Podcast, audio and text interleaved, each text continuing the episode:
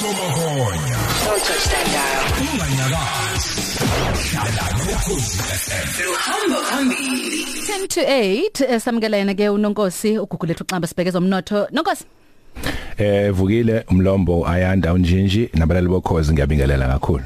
ngesonto ledlule besibheka indaba ye corona nanokuthi ichaza ukuthini emazweni omhlaba masibheka ngasohlangothini lezomnotho Kunjalo nongcebo sasikade sibheka lokho esikubiza ngokuthi critical juncture ukuthi isikhathi esi inzulu leseshinqabile kakhulu futhi esizodala ushintsho olukhulu ezintweni zonke zomhlaba.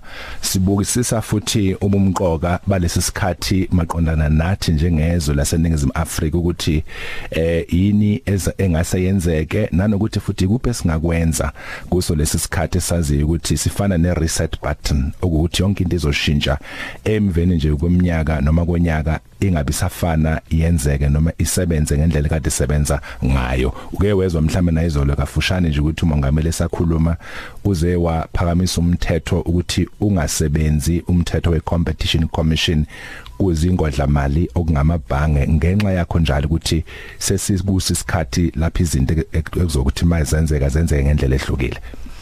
Nonkosi eh ngi- ngicabanga ukuthi e- e- ezinye ze zezinto eshumo ngameli izolo kusazofanele ke siyihlakaze nje kabanzi.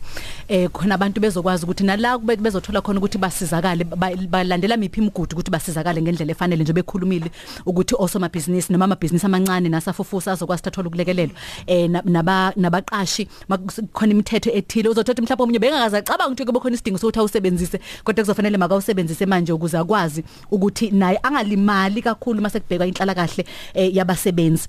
Masibheka ke eh, i- amanye amabhangi athecha azozama ukuthi abonisane namakhasimende ukuthi i- i- izinto ezithile zikwazi ukuthi zibhekeleleke kulesi sikhathi.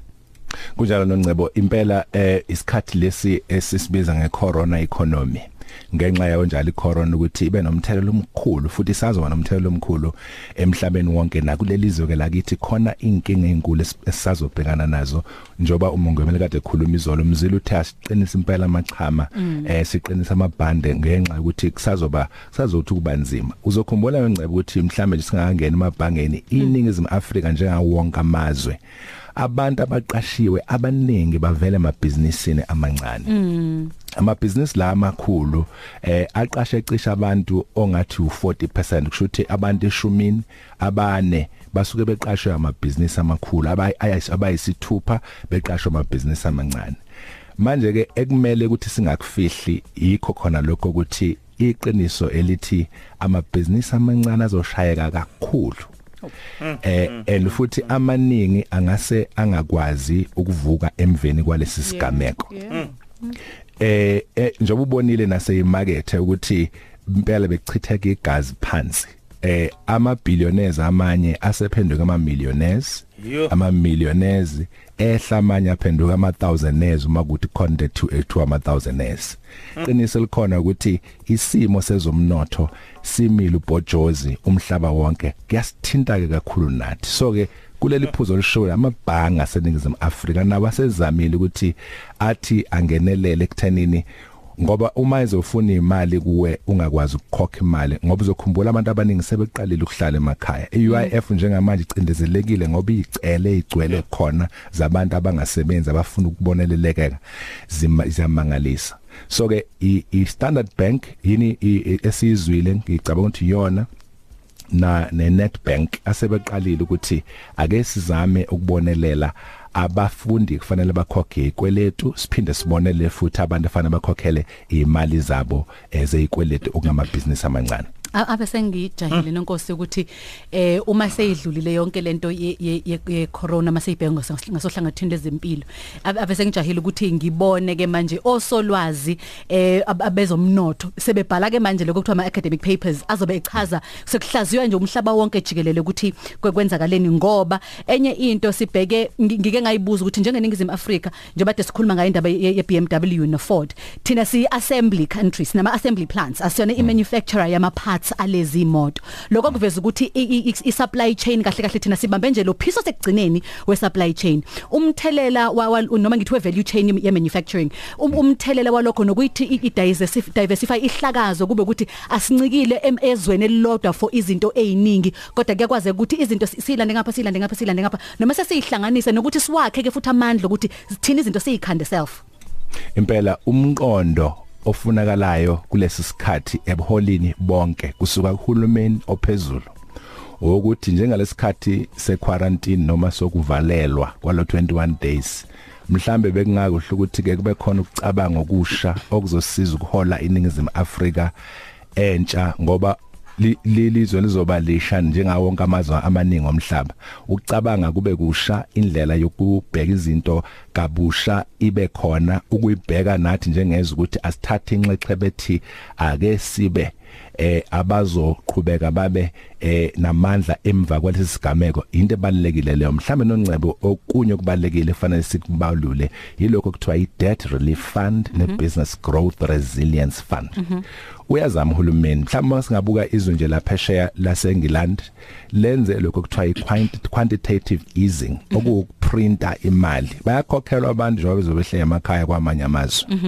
Eh mhlambe ke ipolitiki yezomnotho leyo siyosibuka ngelinye ilanga ngoba uma bekungathi thina sithi nathi senze quantitative easing sprint imali ukuze sinikeze abantu bethu sengase kube khona abakhalayo emhlabeni hayi kwenzeke kanjani? Kodwa ngoba nakhe la se UK namanye amazwe bayeprinta nje imali banikeza abantu.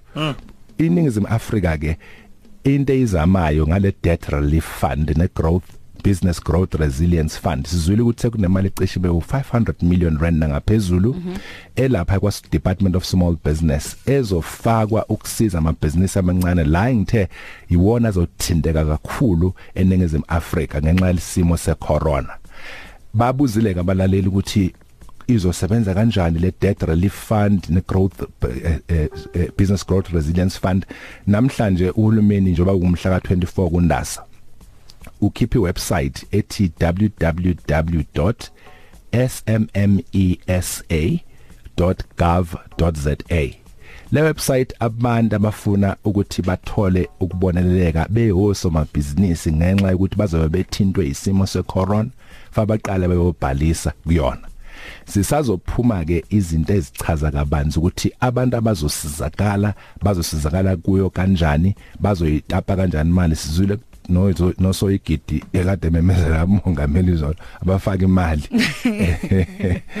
Asikho ke lapho kodwa sizwile nangabe mhlambe enye lezi imali zabo zizongena khona la eh bese kuthi OMC bama province ngama province njengalapho kwaZulu Natal eh umama uNomusa Dube ncube nabanye njengala eGauteng kwazi zonke izifundazwe. Bese beyachaza ukuthi kuzosizakala kanjani osomabhizinisi icriteria kuzoba yipi ngoba eh mhlambe omunye osomabhizinisi uzothawu nama ngihambe ngiyofaka eh ngizosizakala. Kanti mhlambe bane criteria ethile fanele basicacisele yona ukuthi nansi indlela abantu kufanele bathi mabefaka icelo zabo eh yilabo bazomukeleka eh bazosizakala kanjani futhi malini abazoyithola njalo njalo? Nonke sesonga sibonile la abantu abaningi baye bathathe im- imali yabo ba- ba- bayifake eh, kwi stock market. eh, kuma shares ahlukahlukene sabona eh u- u- usasol ulahlekelwa ngendlela eyis- eyisimanga. Eh khona la waluza khona nje 45% overnight ama ivalue yama shares akhona.